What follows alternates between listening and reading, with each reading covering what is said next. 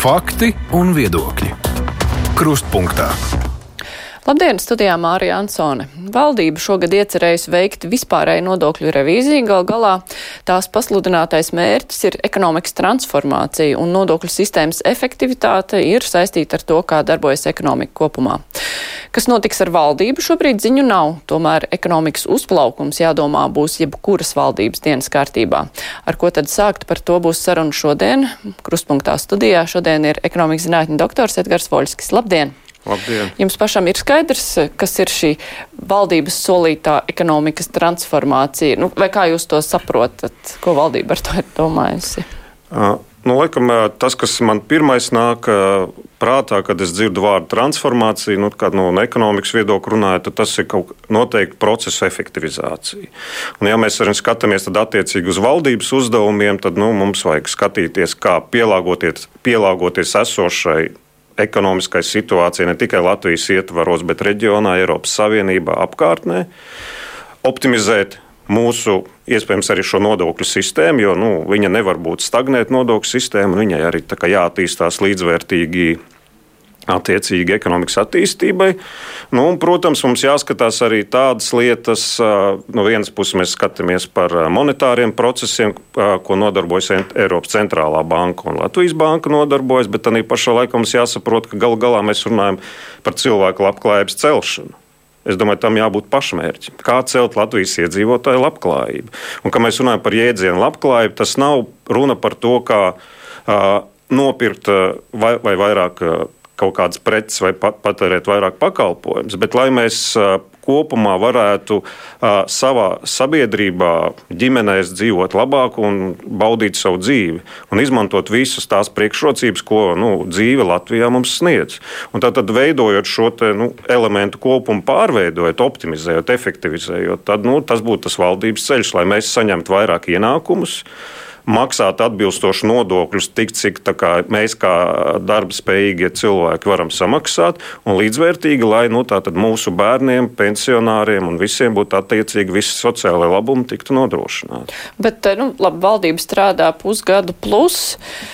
Vai virzība uz to, ko jūs tikko uzskaitījāt, notiek, vai lēmumi pieņemtie virza uz to, vai pagaidām e, ir joprojām kaut kāda ieskriešanās stadija, kura varbūt beigsies, e, ja valdība mainīsies, ne ar ko?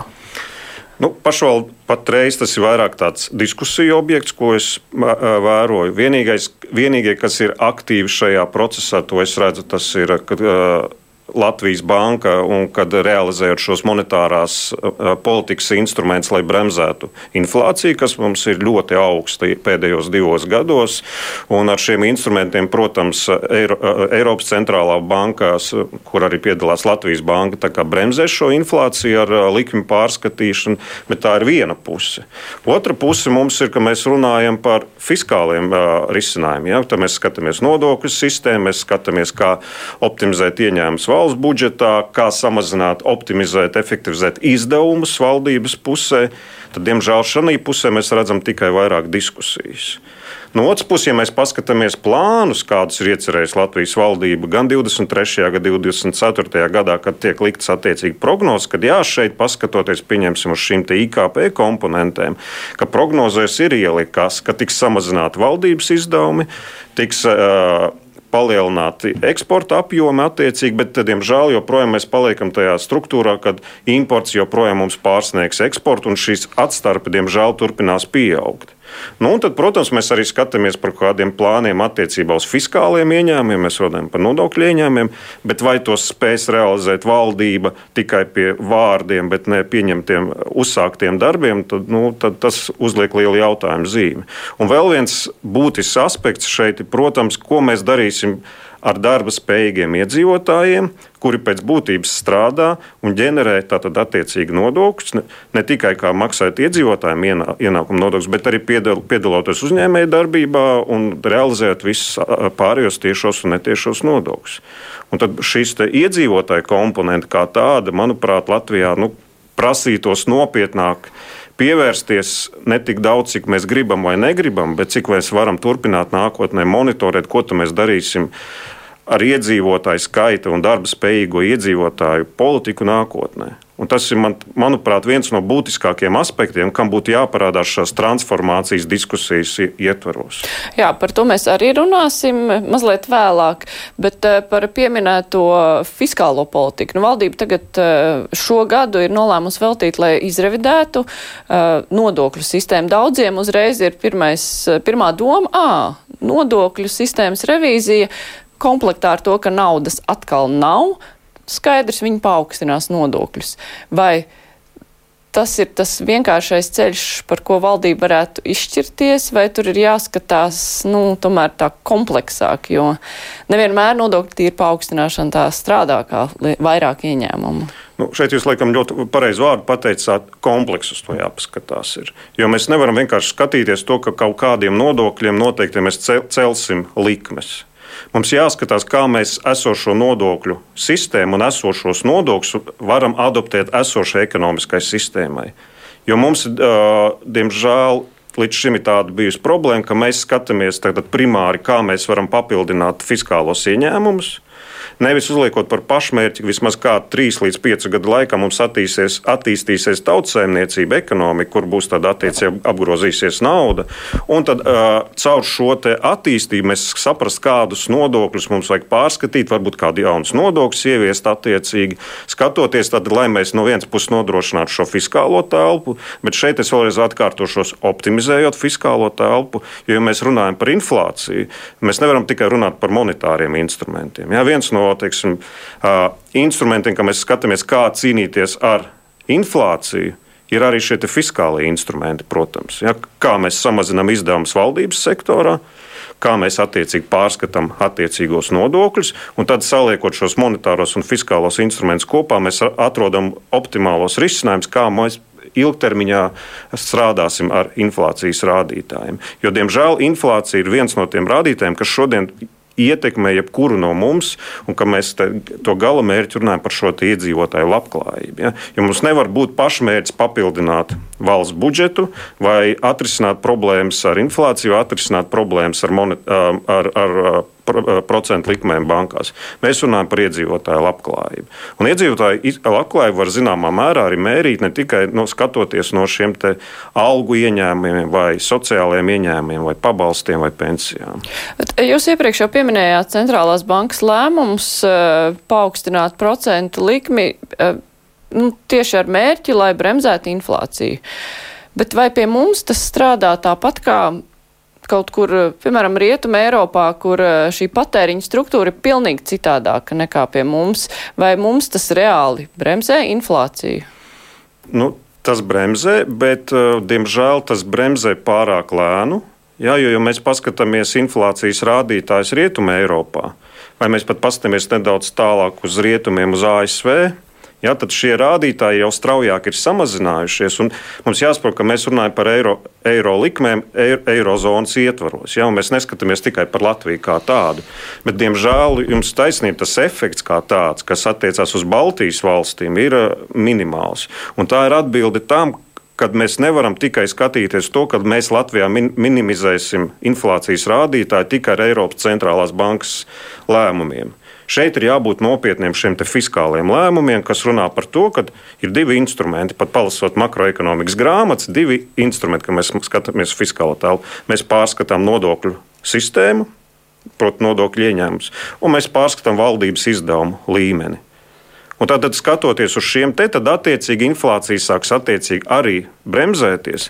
Un tad ir valdībai šis, te, ja mēs piesaucam šo transformāciju kā tādu, ja, tad šis būtu viens no tiem lieliem risinājumiem, ko valdība ir iecerējusi šo fiskālo risinājumu ietvaros, lai palīdzētu risināt inflāciju. Vienmēr atcerot, atceroties par to gala mērķi, mēs gribam uzlabot nākamos x gados iedzīvot Latvijas iedzīvotāju labklājību. Bet tā, tie vārdi pārskatīt valdības izdevumu līmeni, lai mazinātu inflāciju.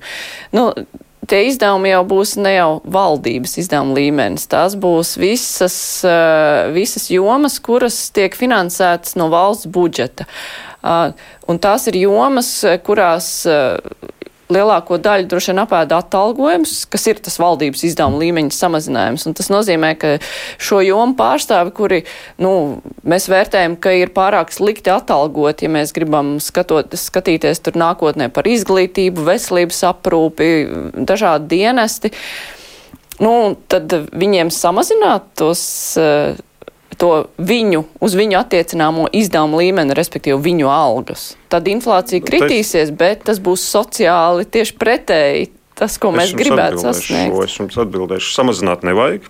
Jo atcerieties, ja es nekļūdos, tas bija gadu atpakaļ, kad bija liela diskusija, vai vajadzēja valdībā tik strauji celt atalgojumu. Ja atminaties gadu laikam atpakaļ, pašā bija, valdībā. gan pašā valdībā bija lēmumi par uh, atalgojumu pārskatīšanu.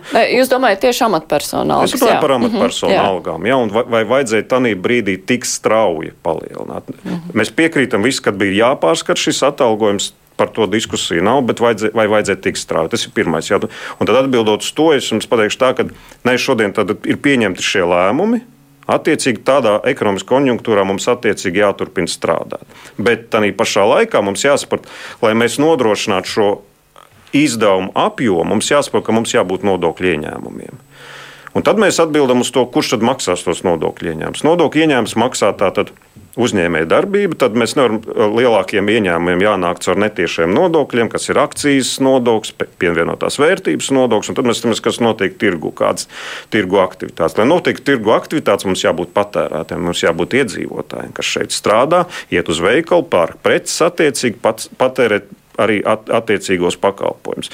Un tad mēs nonākam pie tās atbildes, vai Latvijas ietvaros mums ir pietiekami iedzīvotāji, kas spēj ģenerēt šo ekonomisko produktu, no kura tiks maksāt nodokļus. Un es domāju, mums visiem ir skaidra atbilde, ka viņu kļūst ar vien mazāk un mazāk un mazāk un mazāk. Un, diemžēl tās prognozes, ko parāda šodien virkni demogrāfisko pētījumu, parāda, ka Latvijas iedzīvotāju skaits strauji samazināsies.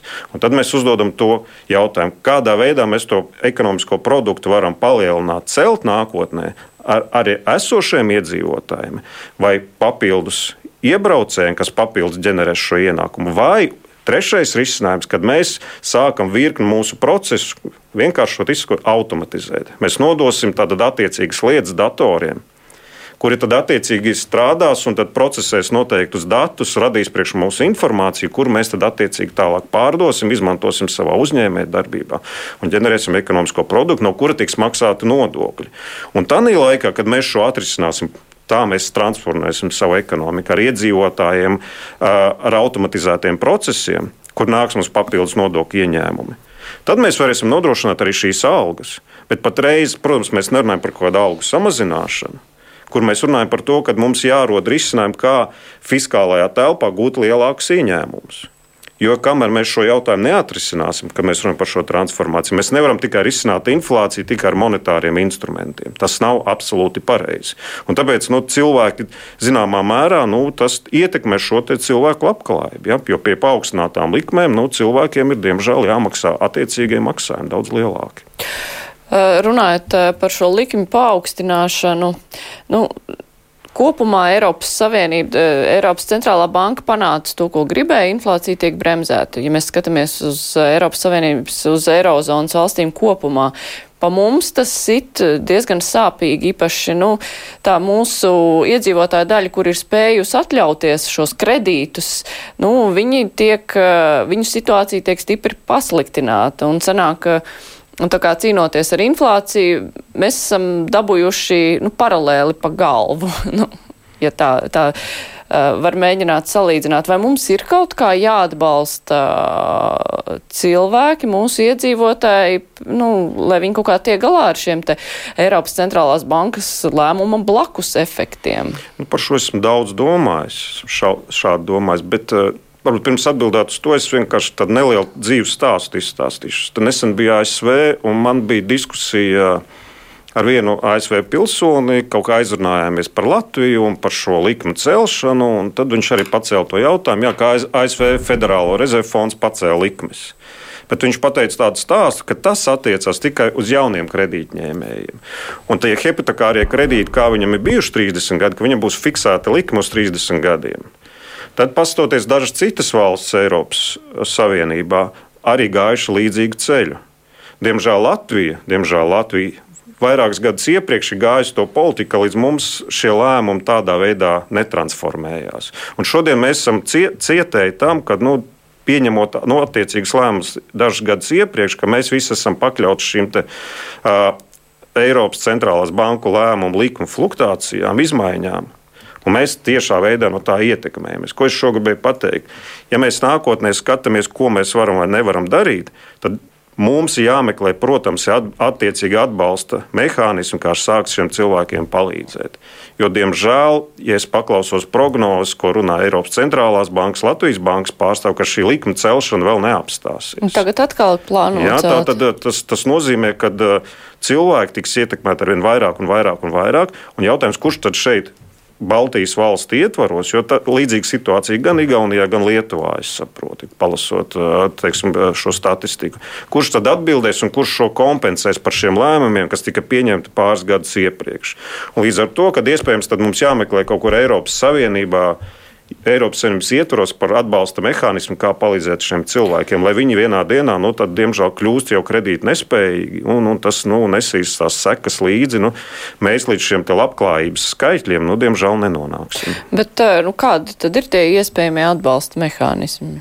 Ne, nu, viens ir tāds, ka nu, attiecīgi, kad tā, notiek ir šie sociālā rakstura es nesauktu viņus par pabalstiem, bet attiecīgi kompensējošie instrumenti, kas palīdz cilvēkiem nosegt kaut kādu daļu no viņu procenta pieauguma izmaiņas šo kompensāciju.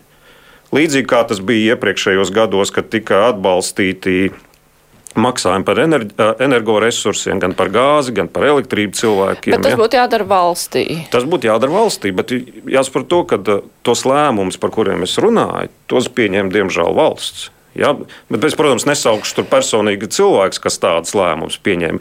Un arī tur nevar tiem cilvēkiem pārmest, jo teiksim, noteikti krīzes apstākļi nu, noveda, ka mums tāda lēmuma bija jāpieņem tas Covid process, ar kuru mēs gājām cauri, kad bija daudz teikt, instrumentu, kad tika brīvā nauda iemesta tirgu attiecīgi. Jo tās visas sekas, kas notika trīs vai četri gadi atpakaļ, pat divi gadi atpakaļ, un šodien tāpēc mēs esam tur, kur esam. Ja. Bet ieguvējs ir bankas no tā, ka tiek celts procentu likmes. Bankām nav nekādi jāiesaistās, jo banku peļņa pieauga banku peļņa pieaug, bet bankām, protams, es teiktu, tā ir noteikti jāskatās uz tādiem instrumentiem, ka arī viņiem noteikti izdevumi veidojās. Tas ir viens. Tas ir viens. Bet no otras puses, protams, bankas ir zināmā mērā pakļautas un viņām ir savējā teiksim, komerciālās intereses. Tās ir savas kapitāla sabiedrības, viņām ir savas intereses. Bet tā pašā laikā, protams, joprojām liela diskusija ir ir pat tā saucamā komisijas maksā, ko bankas paņem. Pieņemsim, kad jūs atnākat paņemt kredītu un tā tālāk. Kad,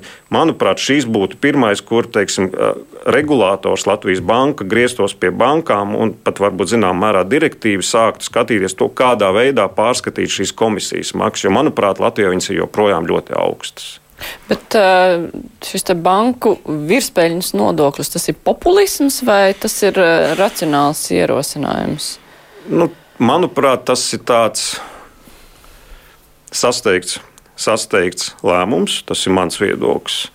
Un cik lielā mērā jautājums tāds ir, kad mēs runājam par banku virspēļņas nodoklis, ko nozīmē virspēļņa? Jā, tāds liels jautājums. Jā. Nu, to, to cilvēki droši vien eh, parasti saprot ar to, ka bankām tagad ir palielinātas procentu likmes, bankās ienāk vairāk naudas, cilvēki vienkārši samaksā.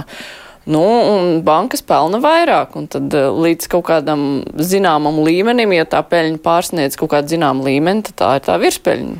Manuprāt, šeit būtu vairāk jāapstāsta vienkārši uzņēmuma ienākuma nodokļu ietvaros.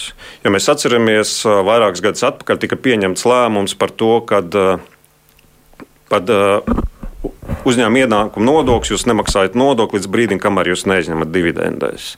Tas runā par to, ka iespējams, ka mums jāatgriežas noteiktu institūciju, tās ir bankas vai kāda cita ietvaros, pastoties, vai mums nav jāatgriež tas UIN mehānisms, kāds eksistē līdz šim. Tad neatkarīgi tad pie noteikta peļņa, kad jūs iegūstat peļņu, jūs maksājat uzreiz nodokli. Ne tikai, ne, ne tikai tajā brīdī, kad jūs vienkārši izņemat dividendus. Ja?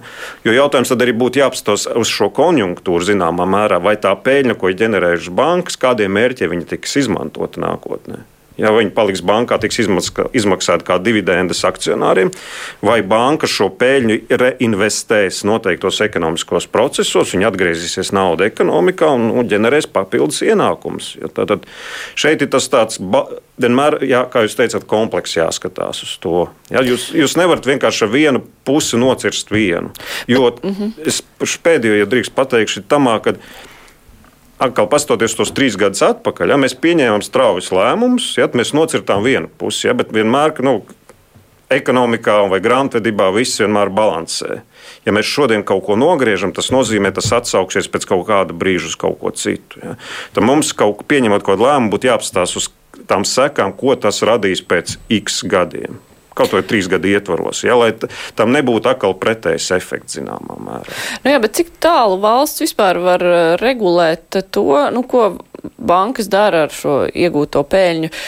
Latvijā bankām tiek pārmests, ka tās nepietiekami iesaistās kreditēšanā, īpaši kaut kur tālāk reģionos, Latgalē, kur ir ļoti grūti saņemt kredītus uzņēmē darbībai. Vai valsts var kaut kā piespiest, lai bankas nu, sāk to darīt? Valsts nevar piespiest, bet šeit ir atkal zināmā mērā sekas, ko es varētu virzīt attiecībā uz Latvijas banku regulātoru, kad tika ieviestas virkne uzraugošās prasības un regulatorika, tāds īsti latviešu vārds, ja, tad kas bankām ir jāizpilda, lai viņas varētu šo kredītu izsniegt. Jo tās ir zināmā mērā izmaksas priekš bankas, šīs atbilstības pārbaudas, kontrolas, paša regulā, regulātoru pārbaudas. Ja, tad vadot, veidojot šo milzīgo kontrolas, monitoringa, jau, manuprāt, viņš bija jau pārspīlēts, izveidojot, lai tikai no vienas puses atvērtu kontu klients un pēc tam vēl tālāk izsniegt kredītu vai piedalīties kaut kādā investīciju programmā. Tas viss tika sarežģīts tik ļoti, ja, ka nu, ne jau banka negrib sniegt tos kredītus, bet saprotot to, ka ja viņam ir jāizsniedz kredīts, jā, viņam jāizdara 20 lietas un jāuzraksta 30 papīri, un pēc tam vēl jānodrošina šis turpmākais monitorings, un plus vēl zina, kad viņus nāks un pārbaudīs un uzraudzīs un kontrolēs. Nu, tad bankas iet ar ļoti augstu teikt, riska līmeni, lai pirms pieņemt lēmumu vispār izsniegt vai neizsniegt tādu kredītu. Ja? Un tādā pašā laikā mēs zinām, ka nu, parādās cita veida nu, kreditēšana. Ja? Jo nu, naudai kaut, kaut kādā veidā vienmēr ir jāapgrozās, ka nu, nauda nedrīkst stāvēt uz vietas. Nu, lūk, tad ir šis atbilde, kur mēs meklējam tos risinājumus. Ja mēs runājam par transformāciju, kā mēs nodrošināsim to. Uh, Protams, tā uzraudzība ir vajadzīga bankām, neviens nenoliedz, viņa, bet viņa nevar kļūt nu, drat, un strauji, drastiski izmainīties. Viņa nevar. Ja. Nu, tad, pieņemot šos sabalansētos lēmumus, ja, tad, nu, es domāju, virkne atrisināsies. Ja. Un arī trešais, varbūt arī.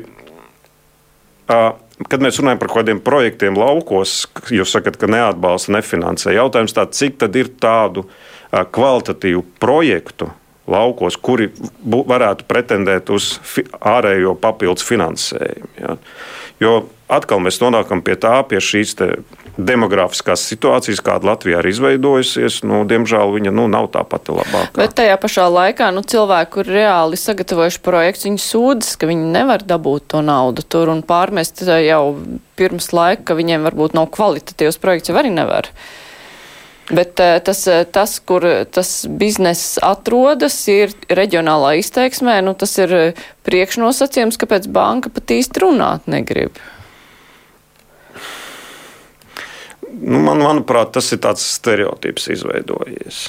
Ja, jo, teiksim, tā parunājot arī ar cilvēkiem, arī man ir daudz laukos cilvēkiem, es runāju, diskusē, diskutēju. Ja, tad jautājums tā, vai viņi ir tā kā no vienas puses zina, kādas pastāv iespējas, kādas naudas līdzekļus viņi ir apgūti, kur viņi var pieteikties. Un šeit veidojās, es pat vairāk skatītos ne tik daudz, cik banku virzienā, bet pašvaldību virzienā. Kas būtu pašvaldībām pēc būtības jāveido, jādara, kādi būtu atbalsta mehānismi, lai tos cilvēkus iedrošinātu, griezties pēc šiem kredītiem. Un, ja viņi arī nezina, kā sagatavot to pieteikumu, būtu šis atbalsts vajadzīgs. Ja, un, un šeit es varu zināmā mērā skatītos arī pašvaldību virzienā. Otra joma, kur arī inflācijas laikos uh, nav slikti dzīvojusi, tie ir lielveikalu tīkli. Un uh, šobrīd, nu, joprojām rīt diskusijas gan par PVN samazināšanu, kas ir viena lieta, nu, kā varētu samazināt inflāciju pārtikai, bet uh, cita lieta, nu, kaut ko darīt, lai lielveikali nav interesēti salikt pārāk liels cenas. Nu, acīm redzot, konkurence mums te nav pietiekoša un viņi to var atļauties darīt. Ko tur vispār var izdarīt no valsts puses? Jo tas tā, protams, labi izklausās, eh, neļausim viņiem pelnīt, bet eh, ko mēs tiesiski varam neļaut? Ne, nu, no vienas puses teikt, mēs neļausim viņiem pelnīt, būtu tāds aplams. Nu, pelnīt pārāk daudz. Jā, jā tā, bet, tā, tā. ja kurš Mhm. ir tiesīgs nopelnīt tātad esošā tirgus apstākļos, ja tirgus tā kā ir spējīgs maksāt, viņš maksā. Runājot par konkurenci, nu, manuprāt, vai mums ir pietiekama konkurence, tas ir labs jautājums. Bet tādā pašā laikā jūs pieminējāt šo jautājumu par PVN. Ja, un, un, un man dzīvē bija tāda iespēja vienlaikus strādāt tādā valstī kā Slovenija. Tur viņiem vienmēr ir eksistējis, ka pārtikai, pārtikai un, pār, un pārtiks produktiem vienmēr ir bijusi pazeminātā PVN likme.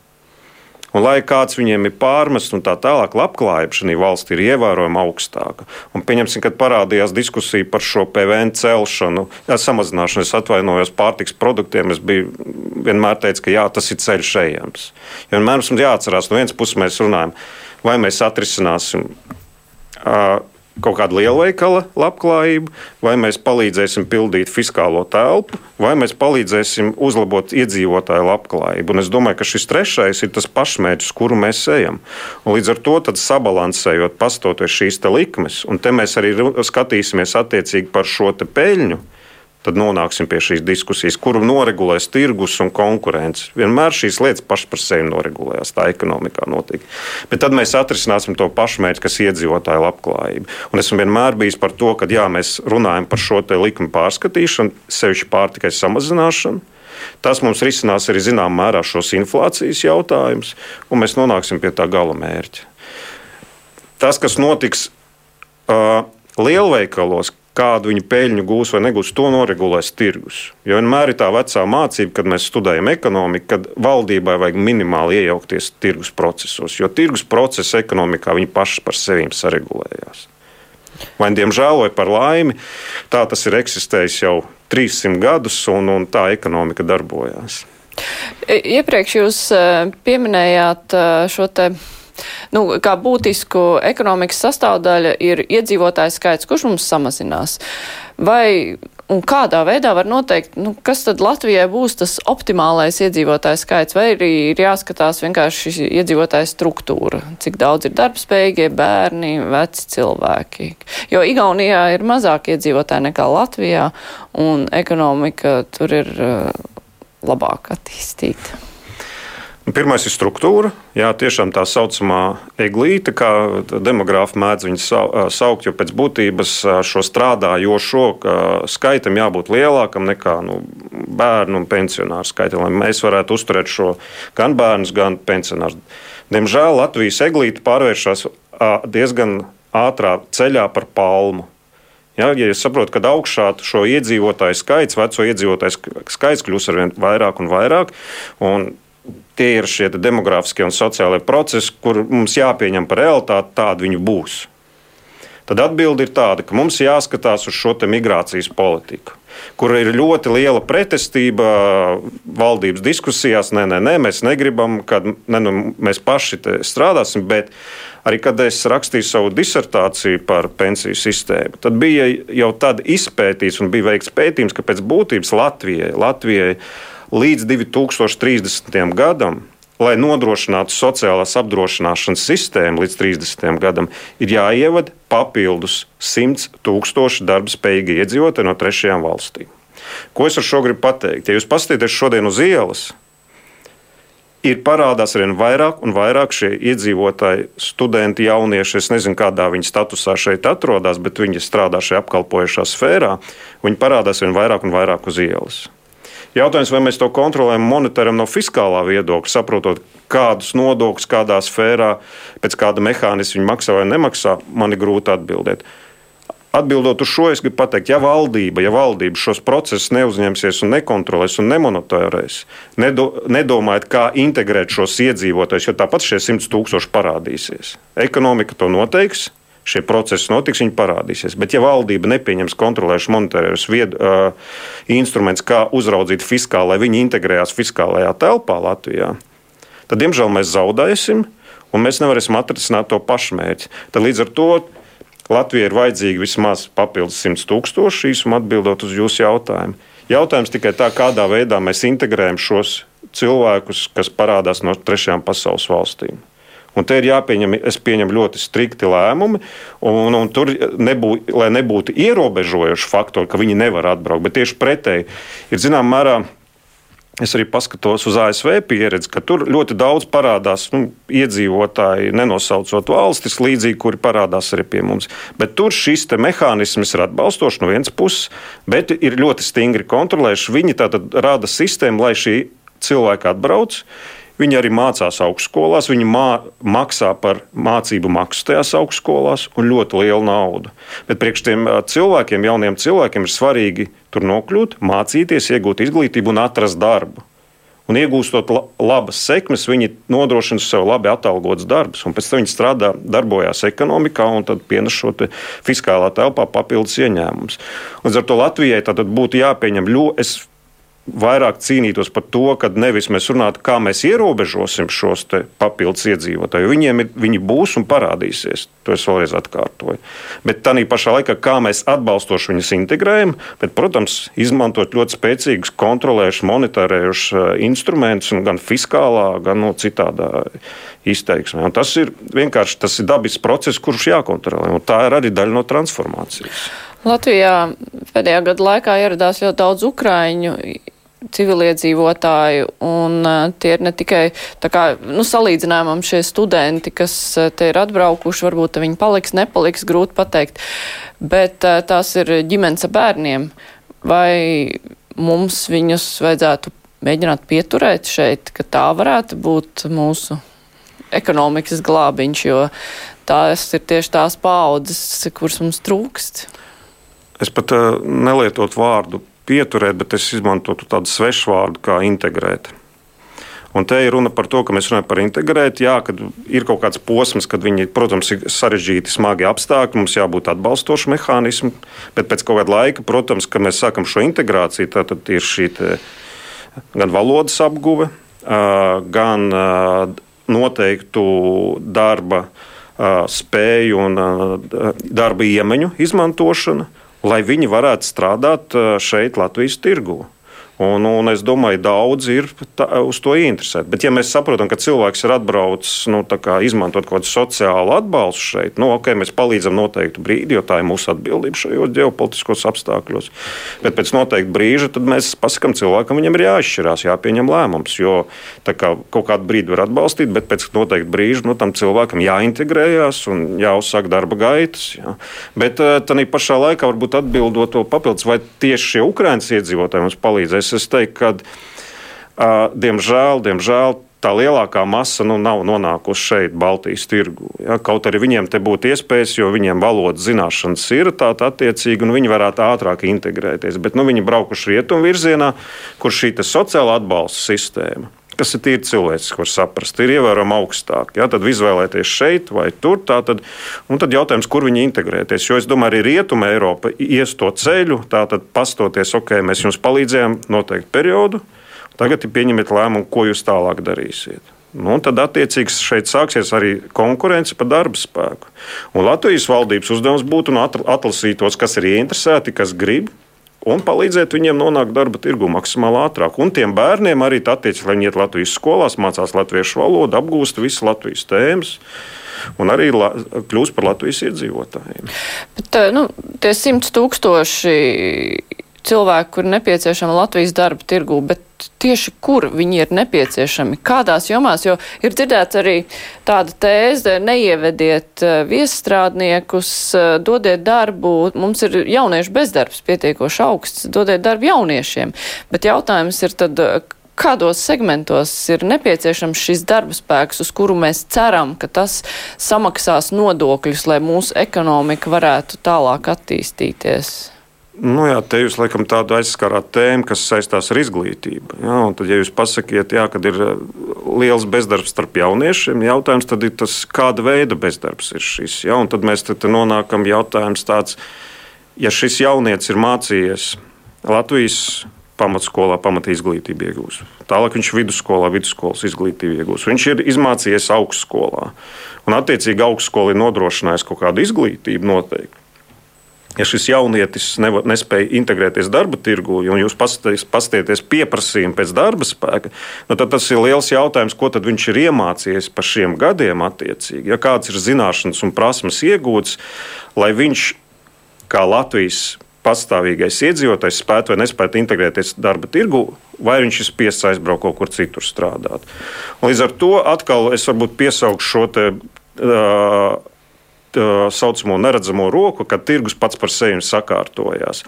Ir šīs jomas, attiecīgi, Latvijai pietiekami daudz šo eksporta spējīgo uzņēmumu, kur kļūst ar vien vairāk un vairāk, un tas, tas tiešām ir taisnība. Jautājums gan ir IT nozara, kok, kokapstrādes nozars, ir transports un loģistika, joprojām viņš darbojās. Bet jautājums, vai ir šie speciālisti, un ja viņu nav, tad mums ir jautājums tā, ko izglītības sistēma spēj piedāvāt mums, lai attiecīgi šie gan Latvijas jaunieši, pat iespējams šie atbraukušie jaunieši, viņi varētu iet mācīties. Un iespējams, viņi arī mācītos, jo izglītības sistēma, salīdzinot, kas ir citās pat valstīs, man ir bijusi tiešām iespēja paskatīties, Latvijā ir pietiekami augstā līmenī. Un tad jautājums, kā integrēt tālāk ar šīm zināšanām atbilstošu darba tirgumu. Ja, te ir tāda plaša diskusija, varbūt atgriezīšos pie pieredzes no ASV, kur, kur mums bija atsevišķi kurs par pedagoģiju kā tādu. Un tur tā tad bija šis virziens, tāpēc būtības pirms tu sāc gatavot kursu. Un kursu apraksti un kā tu strādāsi ar šo uh, studentu noteiktus gadus, saprotot, ko viņam ilgtermiņā jāiemācās no mana kursa, lai viņš pēc tam varētu integrēties darba tirgū. Ja, tad nevis vienkārši nolasīt lekcijas, bet pārliecinoties, ka tas students pēc trim vai četriem gadiem izies darba tirgu ar, jau ar noteiktām zināšanām un prasmēm, un kā es ar viņu strādāšu. Jo vienmēr at, sākot šo kursu, man jau jādomā par tiem tālākiem gala mērķiem, kas ar šo studentu notiks. Un tā ir arī daļa no transformācijas ekonomikā, kur iespējams izglītības sistēmā mums jāstāsta, ka to labo sistēmu un tās zināšanas, kas Latvijas izglītības sistēmā eksistē, kā tos mehānismus pagriezt atbilstoši tirgus pieprasījumam, kas nu, uz darba spēku arī attiecas, lai tie jaunieši pēc trim, četriem gadiem integrējās šeit, Latvijas darba tirgū. Ja mums ir pašmērķis, varbūt atkal atkārtošu šo Latvijas lab, iedzīvotāju labklājības celšanu. Mums neinteresē eirozonas labklājības uzlabošana. Mums interesē tieši Lat Latvijas labklājības uzlabošana. Bieži vien dažādiem pieņemtiem lēmumiem, gan par, ja runājam par nodokļiem vai visdažādākajām jomām, ir kaut kādi blakus efekti, kur nu, sākumā ā, nu, mēs tā teikt negaidījām, ka tas tā varētu būt. Vai šo te iespējamo notikumu attīstības modelēšanu var uzņemties mākslīgais intelekts uh, un uh, tur salikt iekšā nu, visas varbūtības, kas tur var izlekt laukā. Nodokļi ir viens diezgan labs uh, piemērs, kur arī tiek pieņem kaut kāda lēmuma, pēc tam parādās veseli sektori, kas saka šausmas, kas ar mums te notiek. Jā, jūs pieskarāties interesantai tēmai par mākslīgo intelektu. Un Mākslīgais intelekts jāsaprot, ka tas nav nekāds burvis. Mākslīgais intelekts pēc būtības ir kods, ko uzraksta programmētāji priekš datoriem, jo datori jau mūsu vietā nedomā. Dators vienkārši ir processori, kur mēs ieliekam kodu, kurš apstrādā noteiktus datus un rada informāciju.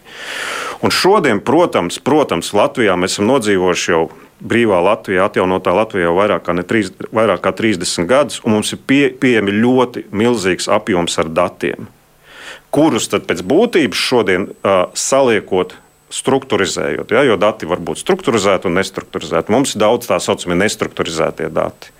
Un saliekot šos datus, struktūrējot noteiktās sistēmās, paskatoties tos vēsturiskos notikumus, jo mēs esam izgājuši vairākām krīzēm cauri, mēs esam izgājuši vairākām nodokļu reformām cauri, mēs esam izgājuši arī gan globālām, gan Latvijas krīzēm, arī dažādas situācijas. Mums ir kaudzēm dažādas valdības bijušas, kur lēmumus pieņēmuši noteikti cilvēki, amatpersonas, nodokļu, nodokļu speciālisti.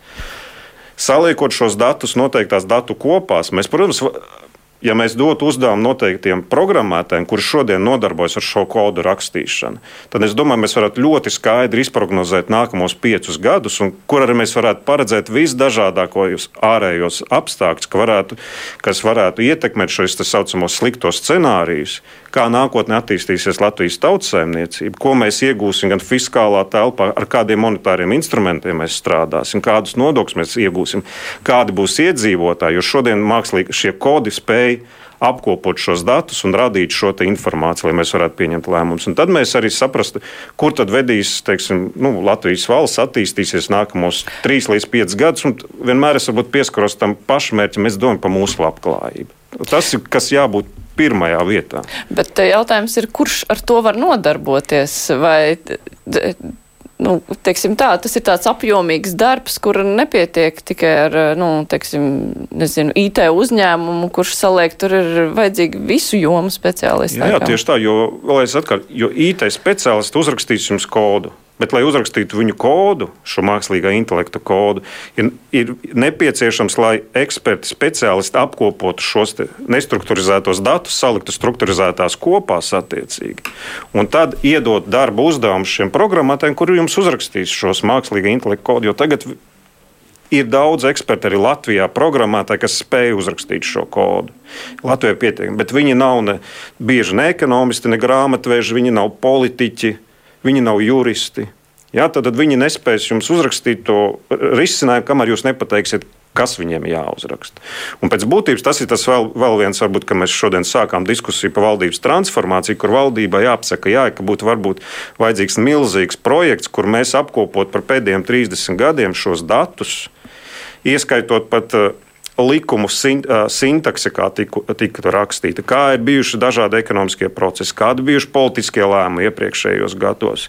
Un tad, grupējot, struktūrizējot šos datus, tad mēs varam sākt gatavot šo informāciju. Un tad, pasakot programmētājiem, mēs gribētu, lai jūs sagatavojat šo mūsu makroekonomiskās attīstības modeli, viņi uzrakstīs jums kodu. Nu, katrā ziņā tas būtu ļoti interesants pavērsiens, ja kāds ar to sākt un nodarboties. Valdībai jāpieņem tāds lēmums. Jā. Es teikšu savukārt paldies. Šodien kopā ar mums bija ekonomikas zinātņu doktors Edgars Voļskis, un mums vēl ir palicis nedaudz laika brīvajam mikrofonam.